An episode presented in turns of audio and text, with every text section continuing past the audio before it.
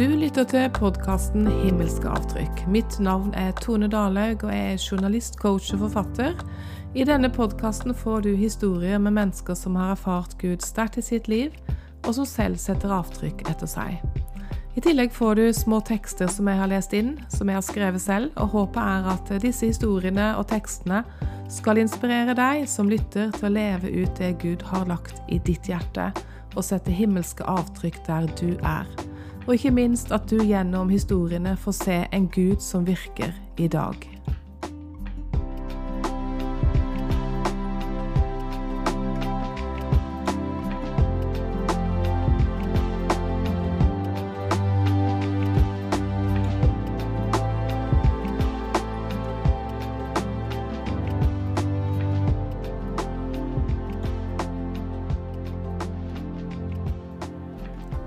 I denne sendinga har jeg invitert med meg Daniel Sæbjørnsen og hans mor Bodil. Daniel pleier å si at han står på sin mors skuldre, og det må vi snakke om. Bodil deler også hvordan hun som ung jente mistet sin mor, og hvordan det påvirket hennes brann. Men vi starter med å snakke med Daniel, som er aktuell med mange ting, bl.a. ny bok og podkasten Bibelen på ett år. I tillegg er han ansatt i Tro og Medier som kommunikatør, er pastor, eh, pappa til tre og gift. Og hvordan i all verden rekker man så mye som 30-åring? Og hvor kommer denne lidenskapen fra? Du, Veldig godt spørsmål. Um, jeg tror For det første så pleier jeg å si til folk når de stiller meg det spørsmålet For at jeg føler Av og til så syns jeg det kan, kan, nesten høres litt for voldsomt ut. da, At man får til så veldig mye. Uh, jeg erfarer nok det ikke alltid slik sjøl. Um, mm. Men det jeg pleier å si, er at uh, de tingene som jeg arbeider med, som regel resulterer i noe som er ganske synlig. da. Eh, og det er jo gjerne kontrast til en del andre sin jobbsituasjon der det meste de gjør er ganske ukjent for uh, folk flest. Mm. Mens det jeg jobber med, eh, ender som regel opp i et resultat uh, på sosiale medier eller i en podkastplattform osv. Så, videre. så Så det kan nok synes som at jeg gjør veldig mye mer, da. Mm.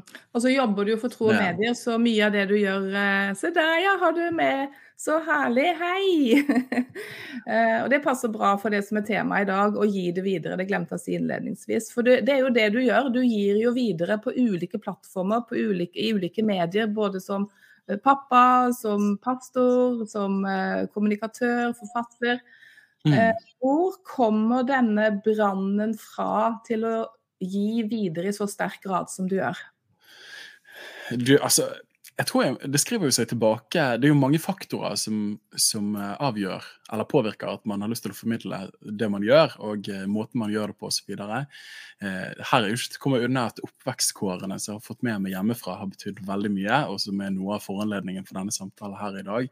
Mm -hmm. nemlig at man har hatt rollemodeller som har både formidlet og levd et liv som har gjort uslettelig inntrykk eh, som òg har vært med å bli litt sånn ledestjerner for måten man ønsker å, å lede sitt eget liv på, eh, og ikke minst mamma eh, i dette tilfellet. Men så hører det òg med til fortellingen at jeg var 13 år gammel. Det var i midten av 8. klasse. Og eh, jeg hadde ikke Eller på det tidspunktet hadde jeg vokst opp i en kristen familie. Eh, veldig fin familie, en trygg og god menighetsbakgrunn. Ingen eh, brente barneopplevelser derifra. Tvert imot, bare godt å se tilbake på. Eh, men jeg hadde endt opp med å liksom ta ut litt distanse til troen i slutten av barneskole og syntes at dette var litt merkelig, hele opplegget. Og så var jeg på en leir i, så det må være, rett over jul i åttende klasse. Og der fikk jeg et veldig sterkt møte med Den hellige ånd. Eh, så dette, det ser jeg på som eh, liksom vendepunkt i livet mitt. Da. Eh, og husker at eh, denne lørdagskvelden, som det òg har nødt til å være, eh, så gikk vi ned på knær. Eh, og jeg tenkte jeg har ikke noe å tape på å gjøre det når predikanten utfordret oss. Så jeg gjorde det, og gikk ned på knær, og så Da bare begynte jeg å, å gråte veldig. da. Og da fikk jeg en erfaring av Guds kjærlighet som jeg aldri hadde hatt tidligere. Og når jeg da reiste meg opp fra gulvet, så, så slo tanken ned i meg som lyn. altså. At nå kan jeg ikke bli den samme igjen, for nå har jeg erfart noe som jeg ikke visste eksisterte. Um, og, og, det har vist seg å være helt sant, altså. Uh, det punktet for meg er et sånt orienteringspunkt der jeg uh, ser tilbake. Da, for Fra det punktet ble livet mitt helt annerledes. Jeg fikk et helt nytt verdenssyn. Uh, forståelsen min av virkeligheten ble annerledes. For hvis Gud var virkelig, så forandret jo det alt. alt ja. Eh, og det har virkelig forandret alt. da. Ja. Ja.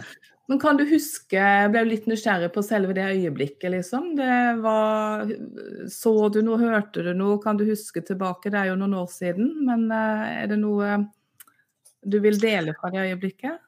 Altså, Jeg husker eh, predikantene som sto midt på gulvet. Vi var i Sogn og Fjordane hjemme hos min tante. Det var en liten ungdomsweekend, Så det var sikkert sånn 20-25 ungdommer i en stue. Eh, og så var det predikanten delt noen ord, eh, og så snakket han om Den hellige ånd, hvordan han er virkelig. Eh, og så sa han hvis noen har lyst til å erfare han, kan de gå ned på knær akkurat nå. Eh, og nok en gang, jeg tenkte jeg hadde ikke så veldig mye å tape. Eh, men jeg, kanskje det umiddelbare jeg husker, var bare at når jeg gikk ned på knær, så begynte jeg å gråte veldig. Eh, og Mm. hvis det er en ting du ikke har lyst til å gjøre når du går i åttende klasse foran andre jenter, så er det gjerne å gråte. Eh, så dette, det var virkelig ikke noe som var forutsett eller forventet.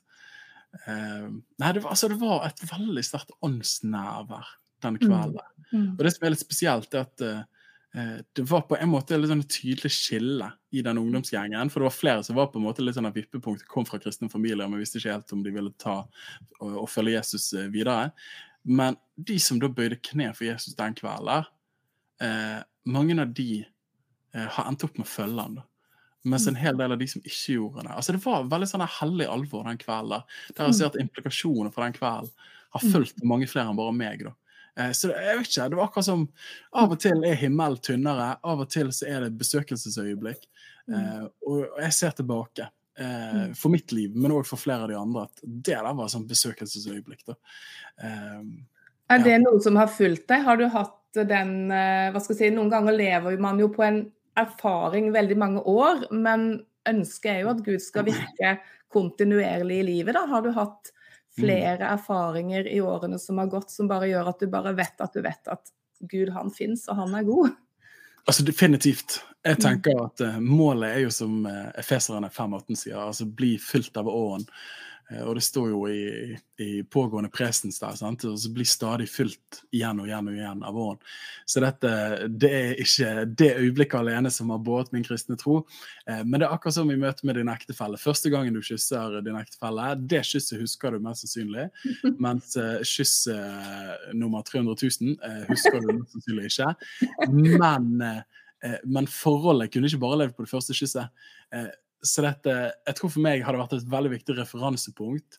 Eh, men det er på ingen måte det som har båret alt. Men det var introduksjonen og begynnelsen Mm. som alltid kommer til å bære med meg da, på en helt spesiell måte. Mm. Og så har det vært noen tilsvarende øyeblikk i løpet av den kristne vandringen. Eh, men jeg tror det hadde vært veldig slitsomt hvis det var på en måte hvis jeg skulle huske alle. Det, det kan jeg ikke forberedt meg. Men, eh, Mm. men har mange gudsmøter jeg kunne delt om eh, gjennom Ja, historien, som har vært kjempeviktig. Mm. Eh, jeg tror jo, sånn som Jesus sier i Matteus eh, 4,4, altså mennesket lever ikke av brød alene. Som er jo et av de versene som mamma har i sin bok, lær dem hvis jeg ikke tar feil. Lever ikke av brød alene, men av hvert ord som går ut av Guds, Guds munn. Så det at vi, vi trenger jo til stadigheter Mm. Og, og, høre at Gud taler til oss. For at Mm. vår tro kan være levende, og våre liv kan være fruktbare i tjeneste for andre. Så det, Mm. eh, ja. Ja, Det er nydelig å høre på, Daniel. Og eh, jeg tenkte også på dette ordet lidenskap. da. Eh, når, eh, når, dere kaller jo menigheten Passion Åsane. og når Jeg hørte hørt, hørt noen intervjuer med deg, og så Første gangen jeg så deg på nett, var jo disse eh, preach-videoene, kanskje før Tro og Media ble koblet inn. Var kanskje da de så Mm. deg. Jeg husker ikke akkurat hva den Mm. første etter, men jeg husker jeg ble veldig eh, grepet og imponert, og da var du jo enda yngre, over den visdommen og lidenskapen du viste der, da. Mm. Eh, så den, dette med lidenskap går jo igjen. Eh, så jeg får jo lyst til å spørre også Det henger jo sammen, det her, men eh, er det, et, eh, er det et resultat av den hendelsen, det også, eller er det på en måte noe som har vokst fram i årene som har gått, denne lidenskapen? Du, jeg skriver nok det tilbake til det øyeblikket. Eh, at man møtte Jesus eh, som, eh, som 13-åring der. Eh, så dette, jeg tror jo, så klart, jeg tror det er flere faktorer som gjør seg gærne. Eh, jeg ser jo tilbake på livet mitt at jeg har alltid vært en ganske helhjertet type. Så det at før jeg møtte Jesus, eh, så var det eh, sykling som var det store i livet mitt. Og da brukte jeg alle pengene mine på det og hadde tenkt å bli profesjonell syklist, liksom. Eh, men så, når jeg møtte Jesus, så ble prioriteringene annerledes. Så dette, jeg tror det er noe personlighet i det Ja. hele. Um, og, men det tenker jeg er liksom naturgave som Gud har lagt ned fra skapelsens side. Um, men så er det definitivt møte med Den hellige ånd. Altså. Mm. Uh, en levende Gud som griper inn og gir deg kraft og styrke. Um, og jeg tror jo sånn som 1. Johannes 4,19 sier, at vi elsker fordi han har elsket oss først. Mm. At uh, min lidenskap eh, blir jo vekket av hans lidenskap. Mm. Så dette, i, i den grad jeg erfarer at han er lidenskapelig etter meg, jeg får kjenne kraften i evangeliet, så vekker det mitt hjerte, som igjen gjør meg nidkjær og lidenskapelig for at andre mennesker skal få lov til å høre Mm. fortellingen om Jesus. da. Så nydelig. Hei, Anna. Er det Anna hun heter? Hun heter Anna, vet du. Ja. Hei, Anna. Så koselig å se deg. Um, du, da, la, la oss gå litt inn på uh, alle disse hva skal jeg si, uh, plattformene du er på. Du Ja. har skrevet bok. Uh, du, så tenkte jeg på Bibelen som podkast og Bibelen på ett år. Den kom jo opp på topp på disse podkastlistene, leste jeg for en tid tilbake. Hva, hva i all verden handler det om? Er, altså, det må jo være noen som ikke er kristne og som, som hører på den, da? Altså, det har vært en kjempegøy reise. Eh, av og til så blander folk de to ulike podkastene der.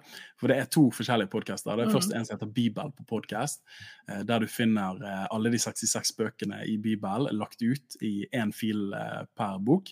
Eh, og nå Greien er at vi la ut eh, NT var vel ferdig i mai 21. Eh, og så nå, fredag 16. desember, så var jeg ferdig med å lese inn GT, og da slapp vi den. Eller jeg var ferdig før, da, men da var den ferdig redigert og alt sånn. Eh, og da Mhm. slapp vi den rett før jul. Eh, det var jo kjempegøy. Eh, men så, i november, så fikk jeg en idé som jeg tror jo ofte eh, Det er jo veldig gøy etter å ha vandret eh, med Gud i en del år, så forstår du at eh, det du tror bare er en god idé, ofte er en gudidé. Eh, og så de kommer det like lett å gripe de som å glippe de, da. Mm. Eh, men så kom den ideen i november. Men OK, nå har vi lest inn hele, eh, hele Bibelen. Kanskje vi bare tar og klipper den opp i 365, liksom. Og så kan vi porsjonere ut en episode hver dag. Kanskje det kunne vært en hjelp til noen i møte med deres søndagsliv. Mm. Eh, lite visste vi at det skulle få den responsen som det har fått. Det har jo vært helt overveldende. Mm. Eh, og det har jo vært så utrolig gøy. Mm. Eh, så dette, da, da droppet vi den fra 1. Eh, og da fikk vi bruke Norsk Bibel sin eh, inndelingsplan, eller bibelesplan. Eh, så veldig takknemlig for det. Det er visst copyright på all slags mulige ting, så dette, det lærer man fort. Eh, men eh, den fikk jo en helt rå mottagelse. Eh, Mm. og det har vært så gøy. Så dette, vi lå jo på toppen på liksom, sekulære podkastlistene. Både på iTunes og Spotify og Podtail og eh, de første ukene av januar. Eh, så det, og vi ligger fortsatt veldig høyt. Eh, Mm. så det er utrolig, utrolig kjekt, altså. Ja, det, det, det må jo bety at det er noen som eh, er nysgjerrig på dette utover Kristen-Norge, tenker jeg da, når den kommer så høyt opp. Så veldig oppmuntrende. Eh, og så får du si kort om boka di òg, da. Det er jo en bok for ungdommer, jeg skjønt. Hva er greien med en moderne katekisme? Og jeg må si, når jeg så det ordet katekisme, jeg vet at noen andre har spurt deg om det også, så tenkte jeg Eh, det var et gammeldags ord, og jeg husker at det, det da liksom vekket det for min del tilbake til konfirmasjonstiden, katekisme og sånn. Eh, og det Ja. Hadde du katekisme under din konfirmasjonstid? jeg bare husker at vi snakket om det, i alle fall. Altså, det var ikke sånn at vi Ja. hugget noe, men det var vel på en måte Hva er det? Ikke sant? At, ja, så det, ja.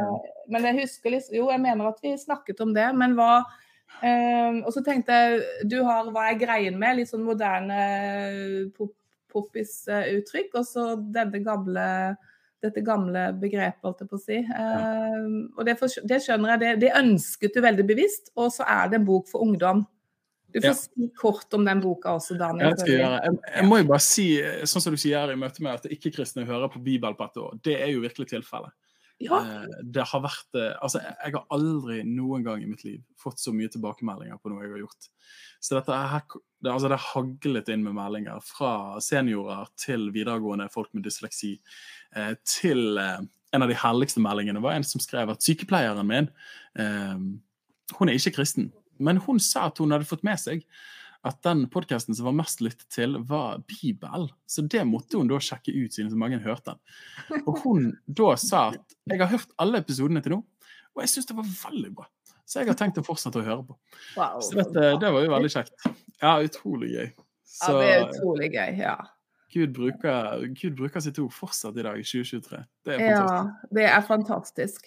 Og så vil du gi videre til ungdom, eh, unge mennesker også. Og, og det, det vet jeg også du brenner veldig for. Hva, hva handler det om? Det er jo en spesiell tid vi lever i. Altså Denne boken, eh, hva er greien med, eh, begynte jo egentlig som eh, Det begynte som en historie med at jeg begynte med historien at jeg gikk eh, en kveld sammen med en som er liksom teologimentor for meg. Og han skulle ha høring av sine konfirmanter i katekismen dagen derpå. da. Eh, og jeg ble litt sånn satt ut, for jeg tenkte er ikke dette vel arkaisk, liksom? Er ikke vi forbi det stadiet der? Eh, og så fikk jeg låne med meg den metodistiske katekismen, da. Eh, som er 124 spørsmål og svar. Da. En ganske tynn lefse. Men det er bare sånn helt elementært. Hvorfor skapte Gud verden? Jo, fordi at eh, Litt sånn spørsmål-svar, da. Eh, og så kjente jeg bare sånn conviction, både som pastor, men òg som kristen ungdom i dag, at, at så mange mennesker i dag vet jo ikke de grunnleggende sannhetene i den kristne troen. Selv om de har vokst opp i kristne menigheter. Og For meg var det litt sånn øyenåpner. Jeg har hatt mange øyeblikk av det, både når jeg jobbet på bibelskole, eh, men ikke minst når jeg reiser rundt som ungdomspredikant, men også som pastor for en ung forsamling. Eh, at, at det som gjerne ville vært altså det som hadde vært barnelærdom, søndagsskolekunnskap for tidligere generasjoner, Mm. er et kunnskapshull i den kristne generasjonen i dag. Og det skremmer meg, da. Eh, og, og da tenker jeg òg, at eh, vi bør ikke bli så overrasket over at kanskje opp mot 70% av barn og unge som vokser opp i evangelikale sammenhenger, evangeliske sammenhenger, eh, ender opp med å forlate det kristne fellesskapet. Ikke alle forlater troen, men de er ikke en del, fast del av det kristne fellesskapet når de blir voksne. Mm. Det er jo en tragedie. Mm. Eh, og da trenger vi å ha et mer robust fundament på innsiden. Da. Så dette, dette er egentlig helt enkelt mitt bidrag til å være Mm. med å oppdra den kommende generasjon, eksisterende generasjon i en kristen forsakelse og tro, sånn at de kan si som Paulus i 2. Timoteus 1,12 jeg vet hvem jeg tror på. Mm. Eh, og eh, ja. Men, men hvordan skal de få til, altså, tilgang til det? Fordi at eh, Min erfaring fra skrevet en bok for ungdom noen år tilbake, var at det er jo mammaene, pappa eller foreldre, besteforeldre, de kjøper boka. Ungdommen selv har ikke liksom nødvendigvis gått på bokhandelen skal eller på nett og finne en bok. Men det er den generasjonen som kjøper det til sine håpefulle og håper at de leser det. Spørsmålet er jo leser de det? Du, og det er et kjempegodt spørsmål. Jeg kjenner, jeg bryr ikke meg så lenge jeg tjener penger. Nei, jeg bare tuller. Jeg, jeg må si eh, det er Tro Media som eh, får royaltiesen på boken. Ja. eh, siden jeg skrev den i arbeidstiden der. Men um, du, det er et kjempegodt spørsmål. Eh, noe av min, eh, min patos i Preach har vært at, eh, at vi trenger å, å kommunisere på de radiobølgene, eh, på de kanalene som ungdommen er på. Da. Og Der tror jeg ofte Kirken eh, har hengt liksom 20-30 år tilbake i tid, der vi snakker på plattformer der folk ikke lenger er til stede. Eh, så det er der ungdommer i dag er jo dessverre på TikTok, det er på Snapchat, det er på Instagram, det er på Facebook, det er på de sosiale flatene der. Derfor tror jeg det kristne nærværet på de flatene er viktigere faktisk enn noen gang. Mm. Eh, men jeg tror man trenger nåde fra Gud til å være der. Mm. Eh, så det er det ene punktet. Jeg tror det er viktig at vi er der. Samtidig så er det hevet over enhver tvil. Altså, nå har jeg nettopp eh, eh, kjøpt en bok her av, uh, av noen amerikanske sosiologer, tror jeg. Men 'Handing Down the Faith' heter den. Mm. Uh, og de, har, de går gjennom mange sånne metastudier på hvordan man mest effektivt overfører troen mellom generasjoner. Eller hva er det som er de viktigste faktorene. Og dette tror jeg jo på en måte måte en sånn interreligiøs religionstudie religion-studie òg, da. Mm. Men de kommer tilbake til det, der de sier at eh, vi tror at det er venner eh, som er det viktigste faktoren for folk bevarer troen. Men de sier det er hevet over enhver tvil. Det er foreldrenes liv og relasjon med barna som er den største premissleverandøren for om barna ender opp med å ta troen videre. Og noe spesielt òg, særlig fedrene. Eh, og midt i en feministisk tid der alt skal være likestilt, eh, så tror jeg på det veldig. Jeg tror at vi trenger å se en generasjon av fedre som reiser seg opp, og som disipler barna sine.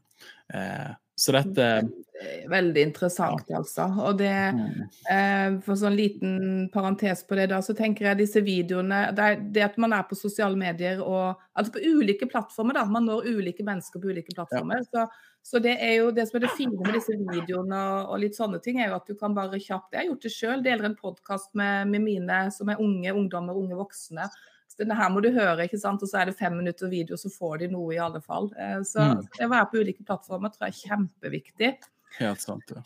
Eh, og da må jeg jo spørre deg også, så skal vi straks ha Bodil på fin overgang med det du sa der med at fedrene er viktige å gi det videre, og at det er foreldrene som har eh, en viktig rolle der. Du sitter med din datter på fanget. Hva gjør dere for å gi videre til barna? For en ting er jo ja, det har jo vært opp gjennom historien at man er så opptatt av å nå ut. Også, mm. Men hva med de som er nærmest? Hva gjør dere i din familie? Sånn man kan jo nesten kjenne litt gudsfrykt på akkurat de tingene der. Har man vunnet verden, men tapt sin egen familie? Ja. Det, er jo, det, er jo, virkelig ikke en dom man har lyst til å, å se tilbake på over livet sitt. Det er jo dessverre altfor mange kristne tjenester som har kommet mm. i den båsen der. Da, av eh, ulike grunner. Nå er jo ikke det matematikk, da. Det hadde vært veldig greit hvis det var det. At hvis du gjorde A, så fikk du B. Men eh, vi trenger Guds nåde, alle og enhver av oss. Og de som har mm. prøvd Jeg ser jo det at de som har prøvd best og vært mest pedagogisk og fulgt ungdom i oppdrag sine familieskoler og gjort ja. alt, liksom, ender opp med å få barn som tar avstand fra troen. Mm. Eh, mens eh, noen kristne familier som har gjort minimalt så godt som ingenting, ender opp med veldig gudfryktige barn. Så det, mm. jeg syns det har vært litt urettferdig av og til å observere det. Eh, samtidig, vi kan, vi kan legge forutsetningene til rette eh, bedre eller mindre godt. Det, det, er litt godt da, på en måte at ikke det er matematikk, for da, da, er det håp for alle. det er faktisk helt sant. Det er helt sant. Det, til syvende og sist er det ved Guds nåde, altså. Ja. Det er det. Eh, men for vår del, vi våknet litt for noen år siden der vi tenkte ok, shoot, nå begynner jo faktisk Anna å bli noen år. Så mm. det, nå må jo vi gjøre en planmessig trosopplæring. Eh, så det at vi prøver å jobbe inn noen praksiser. For jeg tror jo at, at trosoverføring skjer ikke gjennom skippertak, men det skjer gjennom de daglige praksisene. Eh, så det, det vi prøver på, eh, det er at eh, nå har vi ukens bibelvers. Så hver morgen eh, eller hver søndag kveld så vi, har vi et nytt bibelvers, så de får lov til å tegne til kveldsen. Det er liksom fagelegget så henger vi det opp på veggen. Så hver morgen så prøver vi å resitere det bibelverset. Gjerne be en bønn for dagen. Veldig viktig at det ikke er liksom uoverkommelig. Eh, og så eh, på kvelden så leser vi i Bibel sammen rundt eh, kveldsbordet. Da har vi en bibelhistorie. Eh, så det er på en måte liksom grunnstammen. Og så um, før hvert måltid så enten ber eller synger vi. Det er jo på en måte non-negotiable. Jeg må jo mm. personlig si at det blir veldig støtt når jeg kommer hjem til andre kristne familier som ikke ber før de spiser. Jeg har jo mm. vokst opp med at eh, hvis du følger Jesus, så er det umulig å ikke gjøre det. Mm. Uh, så, så, det tror jeg er veldig viktig. De ser tro praktisert. Uh, og så synger vi og ber ved sengekanten, så klart. Men så har vi begynt med en ting som er litt spennende. da. Det er jo, altså Vi tror på sabbat, eller vi tror jo å holde hviledagen hellig. Eh, det tredje budet. Vi tror at det er godt for mennesket, både som en skaperordning og som en frels, frelsesordning eh, for de kristne. Um, og da pleier vi å begynne lørdagsmorgen siden, Det skulle ideelt sett vært søndag, men siden vi er pastorer, og sånt, så søndag er ofte helt kaos. Um, men lørdag da begynner vi frokosten, så feirer vi nattverd. Uh, bare for å liksom markere at dette er familiedag, dette er hviledag. Uh, begynner med nattverd, og så har vi kosestund på mm. lørdagskveld med popkorn og en barnefilm. Da. Så mm. det er liksom en, en, dag satt til side som er annerledes. Så nydelig. Uh, så da får vi inn noen trospraksiser sånn som det er. da. Mm. Mm. Og det er jo så bra når man kan begynne når de er små. Men vi skal komme tilbake til det og gi håp for de som eh, har voksne barn og som kanskje ikke har fulgt den veien. Men nå vil jeg bringe inn Bodil. Og eh, vel, velkommen, eh, Bodil. Mammaen til Daniel. Hallo, ja. God morgen.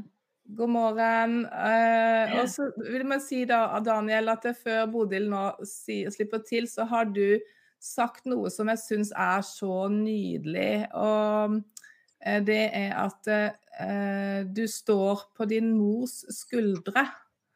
Eh, og så, så, Man skjønner jo hva som ligger i det, men utdyp det litt. For det syns jeg var rørende, altså. Ja, altså, jeg tenker jo at um, Det står i ordspråkene 1320. Det står at uh, hvis du henger rundt vise, så blir du selv vis. Uh, og altså, vi, vi blir Vi er jo Vi snakker jo om å liksom være self-made. Det er jo på en måte sant. Jeg har jeg er self-made, jeg har fått til dette livet sjøl. Men det er jo bare en farse. Det er jo bare tull. Vi alle er jo et produkt av uh, ulike faktorer rundt oss, og ikke minst de signifikante personene vi har til livene våre. Mm. Uh, og den mest signifikante personen i mitt liv og min oppvekst det har jo utvilsomt vært uh, mamma som er her nå. både livet hun har levd, men det er jo ingen som har brukt så mye tid sammen med meg som min mor, uh, fram til jeg ble gift. Uh, og som har eh, vært der i alle ulike livets situasjoner. Eh, så dette Hun har både belært meg gjennom kunnskap, men ikke minst besmittet meg gjennom det livet hun har levd. Eh, mm, så dette wow. veldig takknemlig for det. Bodil, eh, hvordan er det å få en sånn anerkjennelse som mamma? Eh, nei, For meg så er det veldig veldig kjekt å få den tilbakemeldingen. Det er det selvfølgelig. Eh, samtidig så er jeg grådig ydmyk på det. Så som jeg sa, at eh, det er jo bare Guds nåde. Det jo, men det er jo sikkert at jeg har en brann sjøl. Det er jo noen som sier at du kan bare gi videre det du sjøl har. Og det er nok mm. der jeg, eh, jeg har gitt videre noe som jeg har hatt i mitt hjerte. Ja. ja, Hva er det du har hatt i ditt hjerte, Bodil? Fortell litt om det. Ja, altså, jeg tenker jo Når du får barn, så har jo du lyst til å gi barna dine det beste som finnes. Og da husker jeg, Jeg er jo utdannet òg barnehagelærer før jeg ble lærer. Så da visste jo jeg det at jeg måtte få ubetinga kjærlighet. Det var nummer én. De måtte kjenne at de var elska uansett hva som skjedde. Eh, så eh, jeg vet ikke om jeg skal gå litt på min livshistorie. Jo, det må du bare gjøre. Det var et spørsmål ja. jeg ville kommet med uansett. Mm. Ja. Så er det jo liksom sånn at det, eh, ofte så gir du videre det du sjøl har savna. Er du med?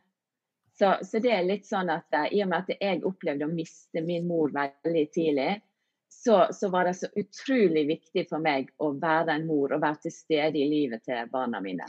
Uh, og det gjorde til at jeg prioriterte annerledes. Jeg var stort sett hjemme med barna mine de, når de var små, hadde deltidsjobb kanskje. Um, for jeg kjente at eh, hvis ikke jeg tar meg av barna mine, hvem kan jeg forvente da å gjøre det? Eh, og så var jo det dette her møtet med Jesus som forandra meg. Eh, jeg har jo alltid vært kristen. Jeg tok imot Jesus da jeg var tolv år gammel på en leir, jeg òg. Det er litt morsomt. Mm. Tolv år gammel så tok jeg imot Jesus, og det forandra jo meg. Mm. Um, og så fikk jeg et sterkt møte igjen med Den hellige ånd i begynnelsen på, på 90-tallet faktisk helt til å begynne med på 90-tallet. Denne Toronto-velsignelsen. Da, da, opplevde jeg et veldig sterkt møte med Den hellige ånd. Og da fikk jeg en sånn enorm brann. Og Gud møtte meg så sterkt og talte til meg på mange ulike måter. Eh, og da bare kjente jeg hva er viktig her i livet? Det er faktisk at barna mine opplever seg elska, og at de får et fundament å stå på som aldri, aldri, aldri vil svikte dem og det å gi deg Jesus. Wow. Eh, og det må jeg òg fortelle at jeg vokste opp med en mor som òg visste at det er hennes ballast i livet, hennes fundament, det var Jesus og Guds ord. Og så hadde hun en mor igjen, min mormor, som eh, hadde 22 barnebarn og seks barn og, og, en stor familie. Men hver gang eh, hun sa ha det til oss, så sa han nå må dere huske på det viktigste. Og da visste vi det var Jesus. Mm. Og det sendte hun rundt i brev til barnebarna som studerte hit og dit. Da må dere huske på det viktigste. Så jeg kjenner når jeg sier det nå, at jeg er så takknemlig for at det liksom ble satt et fokus på akkurat de tingene. For det er ingen selvfølge. Men vi har fått inn fra, fra, fra hele familien på begge sider at uh, ja, mm. det er en sannhet, og det er Jesus. Ja. Det, det, er jo, det, er jo, veldig nydelig å tenke på at du har hatt dette i generasjoner. Eh, og mm. samtidig så tenker jeg at eh, eh, kanskje noen kjenner på ja, sånn har du ikke vært i min familie. Men det er jo aldri for sent å være den første generasjonen, Bodil? Nei, heldigvis. Og det er jo bare Guds nåde. eh, det at jeg ble sånn møtt av Den hellige ånd, det er jo bare at jeg tenker det, det er kald utvelgelse. Gud han, han kommer til sin tid og møter mennesker. Og så er det noen som har bedt bak i slekten. altså Det kan være generasjoner tilbake. Men Guds velsignelse varer i tusen ledd. Tenk på det. Tusen ledd. Så, så de, de, aller fleste har noen som ligger der i de leddene. Ja, som, som har eh, tilhørt Jesus. Og så tenkte jeg på en annen ja. ting du sa. Hvis noen lurer på du detter ut litt innimellom, eller det blir bare en liten forsinkelse. Det er nok nettet som er litt eh, dårlig, regner jeg med. Men det er bare sånn, det er noen sånne små øyeblikk hvor du detter litt ut. Men uh, det går bra. Uh, det som uh, du sa også, at du har mist, altså du mistet din mor så, som barn. Og for noen ganger er det jo er det jo på en måte at vi har fått så mye godt. Vi snakket jo om det, eh, og Daniel snakket om viktigheten av hva foreldrene gir. og liksom Da er det det som gir en frukt, men også et savn. Også noe du på en måte har lengtet etter og ikke hadde. Det kan òg gi en brann, syns jeg hører i det, i det, du sier, Bodil. Mm. absolutt. Eh, jeg var 15 år når min mor døde. Og jeg har jo hele livet båret med meg den, det savnet og det saknet etter å ha en mamma å ringe til og snakke med og spørre om råd. Det er noe jeg alltid har savna, og som jeg bærer med meg. Um, og så når jeg da fikk barn sjøl, så, så, visste jeg jo at ah, det skal ikke mine barn oppleve. Jeg må være sånn til stede i deres liv. Uh, jeg må være der når de trenger meg, men jeg må òg ha tid til dem og må se dem. Jeg må være der i hverdagen. Uh, mm. Så det har nok absolutt vært drivkrafta mi i det å bygge familie. Absolutt. Det at jeg, jeg vet hva det betyr å ikke ha òg en, en, perfekt familie. Med, med mm. sorg og savn og, ja, og lengsler som ikke blir møtt. Det vet jeg absolutt. Så det er ikke det at jeg er oppvokst i en perfekt familie, overhodet ikke. Men, men, eh, men, jeg ser det gudgitte som har vært der. Ja. Mm. Jeg tenker Det er så viktig det der at det uansett uh, situasjon, da, så, så, er det på en måte håp. Mm. Det er viktig.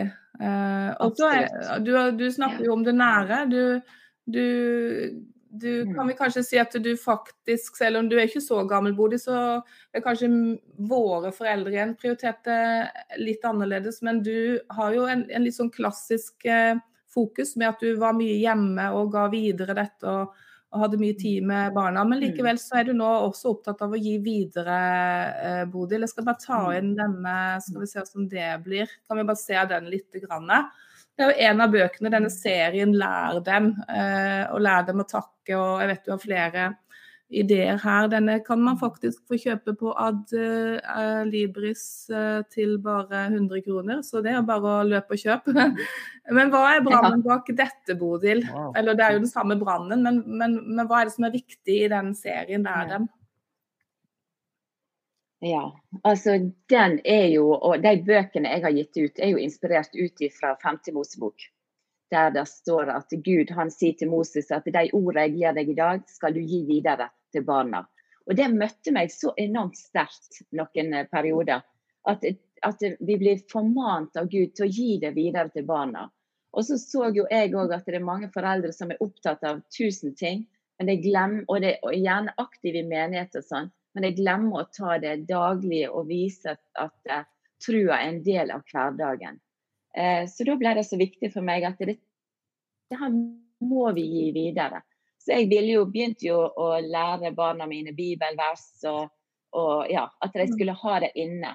Og akkurat nå så kom jeg på at um, og siden Daniel er der, at en sommerdag når Daniel var veldig liten, så husker jeg at jeg satt ute der vi bodde da, og så var jeg litt lei meg. Og så husker jeg Daniel kom springende, og så sa han til meg Mamma, gleden i Herren er din styrke. Og Det er sånn jeg aldri glemmer. Da tenker jeg ah, det finnes ikke en liten hellig ånd. Den hellige ånd i barna våre. Og da kunne han gi noe videre som bare nådde hjertet mitt. Mm. Og, og, den brannen at, at, å gi Guds ord, så det inn i de andre. Jeg er jo aktiv òg i menighet. og ja, altså Jeg har jo vært prioritert å være hjemme, men jeg er jo òg hyperaktiv med å gi det videre på forskjellige måter. Mm. Um, eh, og, for jeg har sånn tro på det. står at himmel og jord skal få gå, men mine ord skal aldri få gå. Og jeg mm. som lærer, og jeg er opptatt av fagkunnskap og sånn, Jeg vet at masse av det jeg underviser, det er sant nå. Men om noen år så er sikkert det utdatert. Men så står det at Guds ord går aldri ut på dato. Så jeg kan ikke få sagt nok. Altså, Hvis det er noe vi skal bruke tid på å fylle oss med, så er det noe som er evigvarende. Og den brannen har jeg. Jeg kjenner når jeg snakker nå, det er bare altså det er en sånn drivkraft. For det er noe som vi vet ikke går ut på dato. Ja. Jeg hører det, Bodil. Og Daniel, du får bare kommentere her òg, fordi altså her ser jeg jo, eller hører jeg jo den samme brannen i dere, da. Så ja, hva tenker du, Daniel? Nei, jeg tenker eh, definitivt sånn som jeg sa i sted, at det handler jo om et møte med Gud. Eh, mm. Men så handler det òg om noe personlighet, altså at eh, man har noe som ligger latent for en. Eh, men så er jo det òg faktoren at man har blitt besmittet. Mm. Eh, så dette Jeg syns jo det var veldig jeg husker jo veldig godt eh, Det er vel i Det var vel i 2012 at du går ut første Lærdam-boken, kanskje det stemmer? Eh, da var jo du, Tone, i Bergen, og da var jo det en sånn lanseringsfest, det husker jo jeg. Eh, så jeg husker jo veldig godt det. Jeg husker jo patoset bak boken. Det ligger jo selve overskriften for boken 'Lær dem'. Eh, så det nå når jeg går ut denne boken, så hadde jeg ikke tenkt noe veldig over det. Eh, de bøkene mamma hadde gitt ut. Men så slo jo det meg etter hvert da, at eh, altså det drivende lidenskapen bak begge bokprosjektene eh, er jo faktisk akkurat den samme. Nøden for neste generasjon. Ja, At man ønsker at neste generasjon skal få til å lære troen å kjenne. da. Eh, så det var jo litt sånn utrolig funny. For ulike segmenter. Det var jo barnebøker som mamma har gitt ut, mens meg er det mer unge, unge voksne. så det, det syns jeg nesten var nest, ja, Det var bare veldig vakkert og veldig mm. Mm. Ja. Det er bra. Ja, og du har jo mm. også vært mentor eh, for kvinner i, i, i bergensområdet, Bodil. og Er det noe av den samme brannen der, eller hva? Ja, er det noe Handler det egentlig om det samme? Eh, det handler egentlig om det samme, altså at Jesus kan sette deg fri. Men det handler òg om litt av den smerten jeg opplevde gjerne som barn å miste. Mm. At jeg vet hva det betyr å bære med meg en smerte. Um, og det å hjelpe andre ut i frihet, og hjelpe andre ut ifra, fra ting de har opplevd. Um, Blant annet så står det i Joel at alle de årene, det som gresshoppen har spist opp, skal jeg gjengjelde. Jeg skal gi deg tilbake. Og jeg opplevde jo at det å miste når du er liten, det preger deg veldig, som sagt. Og så har jeg kunne mm. stått og hjelpe andre som har opplevd samme situasjon.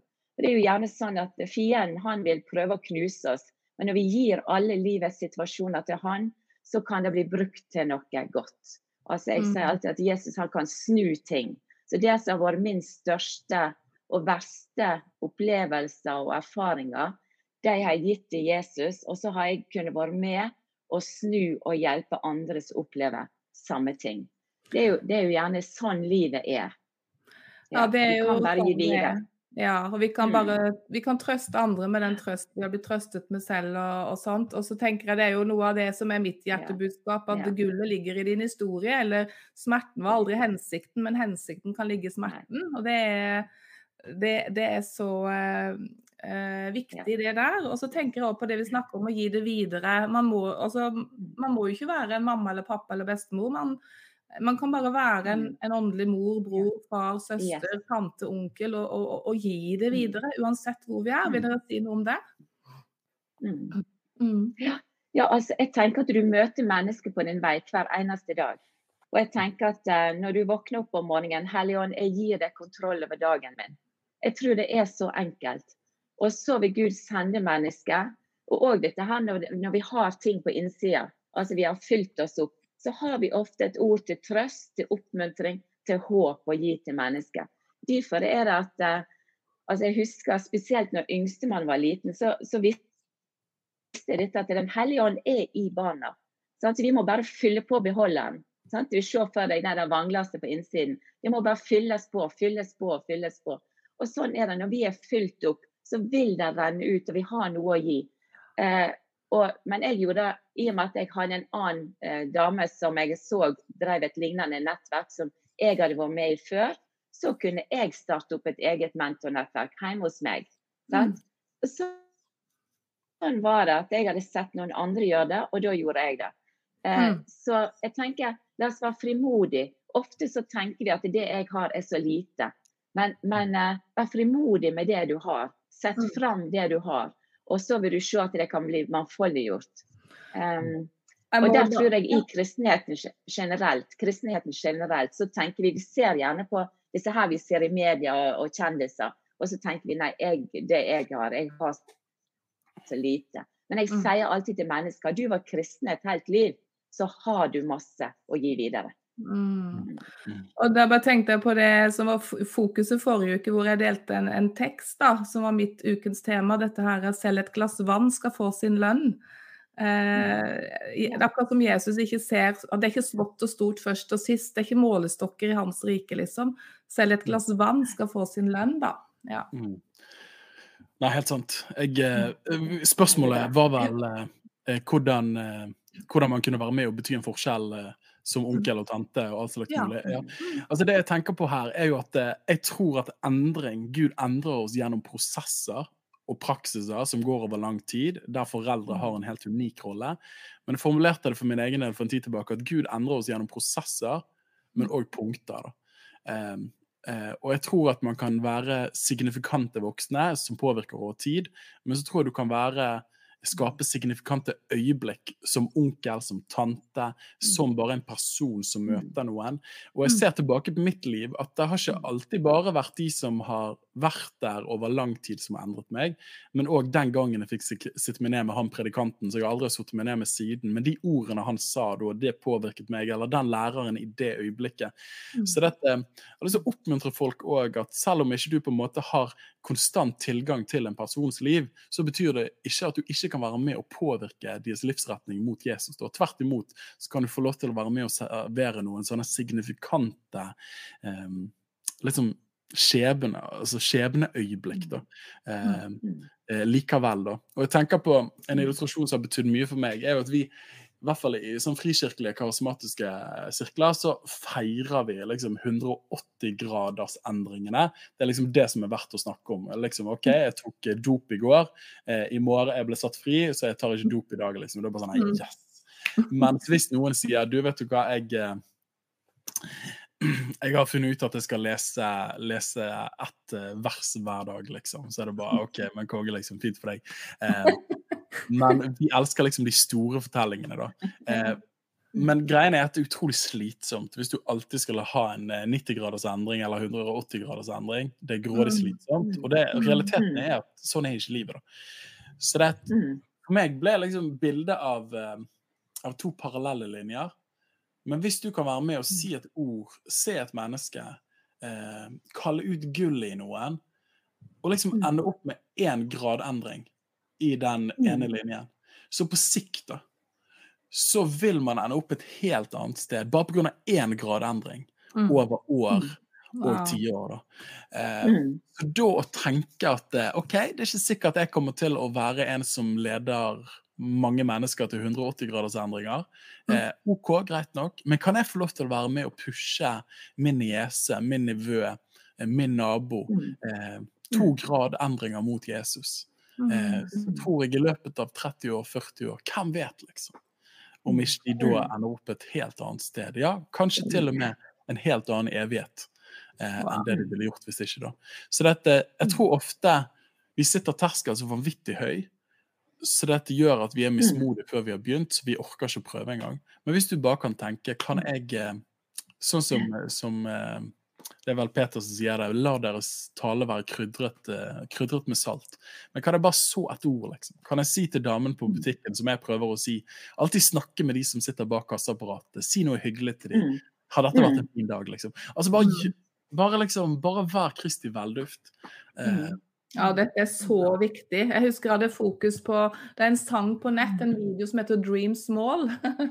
Eh, og den går på disse tingene. Den er bare helt fantastisk hvis ikke dere har hørt den. Så jeg hadde litt fokus på det der med mennesker som måtte gjøre gjør små ting i hverdagen, og nesten som et kall. Og jeg tenker at det er så viktig at ikke vi graderer disse tingene. Og, Mm. Mm. og jeg vet det, altså Mm. mange, Kanskje en sånn liten til slutt her også, for å vride, og så kan vi vri det inn på det ordet du har eh, også, Bodil. Men eh, mange har av de jeg jobber litt med i forhold til coaching og sånn, de er jo i en fase i livet hvor de ikke helt vet hva er det Gud vil bruke meg til nå.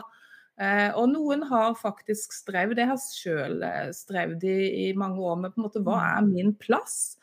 Eh, og det kan være mange grunner til det, da. Men dere to virker jo som at dere på en måte veldig tydelig har sett hva deres kall er.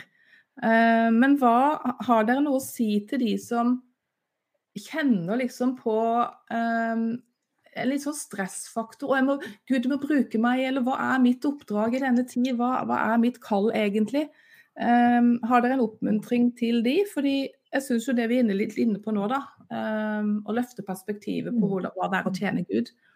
Så jeg bare mm. kaster ut dette. Jeg, mm. jeg vil jo bare si at det er mange år jeg gikk og lurte på Gud, hva har du tenkt å bruke meg til? Det var mange, mange år jeg tenkte. Eh, og så når jeg fikk dette her voldsomme møtet med Den hellige ånd, og han begynte å tale til meg om at du skal tale mitt ord. Jeg ble møtt med noen vers i, Sekiel. Du skal tale mitt ord, enten jeg vil høre eller ikke, men du skal tale til dem. Og du skal gå. Jeg forsto ikke det. For jeg, i utgangspunktet så var liksom det å tale Guds ord og stå framme og sånn, det var helt motsatt min natur. Jeg hadde lyst til å, å, å være tilbakeholden og bakerst benk, egentlig. Men så kom det en sånn brann på innsiden, og så ble jeg kalt ut i det som Gud ville ha meg til. Så jeg tenker at det det, det, det går i, det er, jo, det er jo noen kall. Barmhjertighet, det har vi alle. Står, altså Noen ting står det om i Guds ord. Altså Det å gjøre godt mot andre. Det er et sånt kall som vi alle har. Det er allmenngyldig hele tiden. Og så tenker jeg at når jeg sjøl er nær kilden, så vil det ut utvikle seg litt og litt, og du vil kjenne hva du gleder i. Og jeg må si at En gang så ble jeg utfordra. Da var jeg med i Ungdom i oppdrag til å stå på et kjøpesenter en lørdag i beste handletid og så dele vitnesbyrdet mitt. Altså Det var bare helt sånn, var helt, Jeg var helt skjelven. Ja. Og så kjente jeg det var så utrolig godt. Og så kom jeg til mannen min etterpå og så sa jeg, vet du hva, det er kallet mitt. Dette er kallet mitt. Jeg var kjempenervøs. Men etter jeg hadde gjort det, jeg bare kjente en sånn utrolig glede. Utrolig glede. Så det du kjenner glede i Jeg tror det skal være sånn. Du kjenner glede i ting. Da vil du mer og mer kjenne at ah, kanskje jeg skal gjøre mer av dette her. Men du Daniel er sikkert den teologiske Jeg er helt enig. Jeg er helt enig. Nei, vil du legge til noe, Daniel? Nei, men du, Det der er et kjempegodt spørsmål. Jeg, eh, jeg, jeg, tror ikke man kan komme unna at uh, det spørsmålet hva er mitt kall, hva skal jeg gjøre, uh, har skremmende like paralleller med det senmoderne menneskets spørsmål hvem er jeg, hva skal jeg? Eh, hvem, eh, hvem, er egentlig jeg, osv. Som fort blir et selvrealiseringsprosjekt. Og jeg tviler på at de første kristne egentlig gikk rundt og tenkte at eh, hva er mitt spesifikke kall? Mm. Og, og, det tenker jeg er litt sånn viktig å ha med oss. da. For dette, fort kan det bare bli et litt sånn et selvrealiseringsprosjekt bare eh, malt inn i litt sånn kristeligøse termer. Da. Eh, så det tenker jeg er viktig å ha med. Og, det, og, Man leser lite om i de pastorale brevene og menighetsbrevene at Paulus liksom sier du, dette er syv trinn til uh, ditt unike kall. liksom. Eh, så vi må passe oss for at vi ikke gjør det veldig individualisert. Mm. Eh, men når det er sagt, så tror jeg likevel at Salme 139 sier at Gud har en unik plan, eller skrevet ned våre dager før de har kommet. Mm. Eh, men eh, jeg, tror liksom, jeg tror vi trenger å nedspille viktigheten litt av liksom, what's my purpose in life. Eh, jeg tror på en måte Det er ikke så viktig som vi vil ha det til ofte. Mm. Eh, og så tror jeg at Gud har åpenbart sin generelle vilje. Som mm. er at eh, vi skal elske Han av hele vårt hjerte, vår sjel og forstand og all vår kraft. Og vi skal elske vår neste som oss selv. Det doble kjærlighetsbudet summerer ned mm. liksom alle Bibels forpliktelser. Hvis ikke du vet ditt spesielle kall, begynn med det generelle kallet. For det han mm. allerede har talt. Elsk mm. Gud, elsk din neste. Eh, jobb, gjør jobben din bra. Elsk din kone, elsk dine barn. Eh, betal skatt til staten. Altså, Gjør de tingene Guds ord har sagt du skal gjøre. Og idet du begynner å gå på det generelle kallet, så er min erfaring at mer og mer så ser du sånn som mamma sier så bra. Der har du din glede. Der ser du frukt av ditt mm. arbeid. Oi! Da kan det Mm. tyde på at Gud har begavet meg særlig på dette området. Så det at Mm. når du går på det generelle, Mm. så vil det med tiden bli åpenbart det spesielle. Mm. Eh, Men ikke vent på en, en eller annen spesiell greie. Det er mer en, en postmodernistisk forståelse av, eh, Mm. av på en måte, måten jeg skal organisere livet mitt på. Da. Mer enn kanskje en kristen tanke. Da. Mm. Det er klart Ja, det er nydelig gode poeng her. Um, jeg tror vi Nå er det jo snart gått en time, og jeg tenker at det var kanskje Vi, vi hadde tenkt, Jeg tenkte vi kunne snakke da litt om det her med de som uh, har kanskje voksne barn som ikke har fulgt den veien. Men vi snakket Bodil, om å ha kanskje en egen sending hvor, hvor du også løfter fram mange av disse løftene og bibelversene, og at vi ber for de som har barn og unge mennesker, unge voksne som ikke følger den veien. Men, eh, men dere har jo, du og mannen din har jo tre barn. Daniel er, jo ett av de. men, men, eh, og nå er jo alle med. Og som en sånn oppmuntring, litt kort oppmuntring, så skal vi gå litt i dybden på sånne ting en annen sending. Så, så er det jo en oppmuntring i det at kanskje man velger en annen vei, men kommer tilbake igjen, Bodil. Det har jo dere erfart. Mm. Altså, jeg tenker ofte at som foreldre så putter du penger inn i en bankkonto. Og så er ikke det sånn at eh, den kontoen blir brukt hele tida. Sånn er det litt med barna våre. Vi sår inni dem. Og så, så kan det være en periode det ikke blomstrer akkurat sånn som vi tenker. Men det som er sådd, det er sådd. Så det har jeg bare lyst til å oppmuntre alle lytterne, oppmuntre meg sjøl og alle. Fortsett å gjøre det du skal. Fortsett å elske først og fremst. Elske og elske og elske igjen og igjen. Så det gode. Det står i Bibelen at det er Guds godhet som får folk til omvendelse. Hvordan kan jeg nå hjertet til den personen, det barnet? Hvordan kan jeg nå inn til hjertet? Det, det er forskjellige veier til hvert enkelt. Og så er det da å Ja, som vi, har sagt, altså brannen din den vil skinne igjennom. Og hvis det er dine nærmeste, så ofte så vet de så veldig godt hva du vil si og hva du mener som foreldre, som tante, onkel, som besteforeldre. Så, så vet de nøyaktig hvem du er og hva du står for. Så det å vise godhet, sjenerøsitet og det å oppmuntre Mm. hele tida. Og skape, skape relasjoner. Og bevare hjertet ditt mjukt. Det er superviktig. At du Mm. ikke blir hard i hjertet ditt av skuffelser, men at du lever i tilgivelse hver eneste dag. At du passer på å gå med hjertet ditt. Jeg velger å tilgi. Si det ut, midt ute i lufta når du kjenner du blir såra av kommentarer, av hendelser som du ser rundt deg. Si ut 'jeg velger å tilgi', 'jeg velger å tilgi'. Og så er det jo masse løfter som vi må altså Vi skal ta opp i en annen sending om at, at Gud vil at alle mennesker skal bli frelst og lære sannheten å kjenne. Mm. Det er, det er faktisk en sannhet som er skrevet i Guds ord. Og den tar vi til oss. Det skal vi gjøre. Eh, så nå går vi inn for landing her. Og hvis noen har noen spørsmål, det som nå hører i, i, i Facebook-gruppa, dette blir lagt ut også på en podkast, men dere har en unik mulighet, dere som er med i gruppa, til å stille spørsmål, kommentere, så gjør det. Så tar vi det til slutt. Eh, Bodil, du hadde et eh, ord du fikk innledningsvis her. Så hvis det, ja, vi deler litt det som dere måtte kjenne på her helt på tampen, men du hadde et konkret ord, Bodil, til oppmuntring. Ja. ja. Og det var fra Galaterbrevet 4.4, og der står det i tidens fylde sendte Gud sin sønn, født av en kvinne. I tidens fylde, det var det ordet jeg fikk i dag. Og det betyr at du som lytter inn, eh, kanskje du står i utfordringer. Det kan være med forskjellige ting.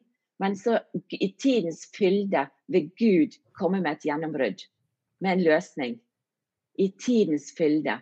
Så din oppgave mens du venter på at det skal bryte gjennom det du lengter etter, det du savner, det du har bedt om, så er det en, et, til en ting, og det er å holde deg nær til Jesus. Tilbe han, ære han, eh, og så la han ta kampen. Du har gitt kampen til han, og så har han sagt at 'kom til meg, du som strever, var tungt å bære, jeg skal gi deg hvile'. Da kan du få I stillhet og tillit skal din styrke være. Så legg alt inn hos Jesus. I tidens fylde skal du få bønnesvar. Ja, det var nydelig. Nydelige ord. Eh, vil du legge til noe, Daniel, på det? Du, jeg, eh, jeg, tror jeg fikk et ord eh, mens mamma delte noe. Eh, tankene gikk til om det kanskje kan være en person som eh, hører dette på et eller annet tidspunkt, som har vært i en bilulykke for en del år siden, og som har slitt med kroniske hodesmerter siden, eller hodepine eh, siden da. Og gjerne bare har forsonet seg med det eller gitt litt opp, eh, men merker at eller man er bare på et punkt at man ikke har noe håp lenger. Eh, men jeg tror Gud har lyst til å helbrede deg. Så jeg har egentlig veldig lyst til å be en bønn for deg. Mm. Eh, så Far i himmel, jeg takker deg for denne personen her. Eh, takk for at du er fortsatt eh, helbrederen fra Nasaret. Og Herre, jeg tror du løftet opp denne personen. Akkurat nå så ber jeg om at du rekker ut din hånd og helbreder denne kroniske hodepinen i navnet Jesus Kristus, og gi livet, livets gave på nytt, Herre. Eh, I Jesu Kristi navn, her på dette området. Amen. Amen.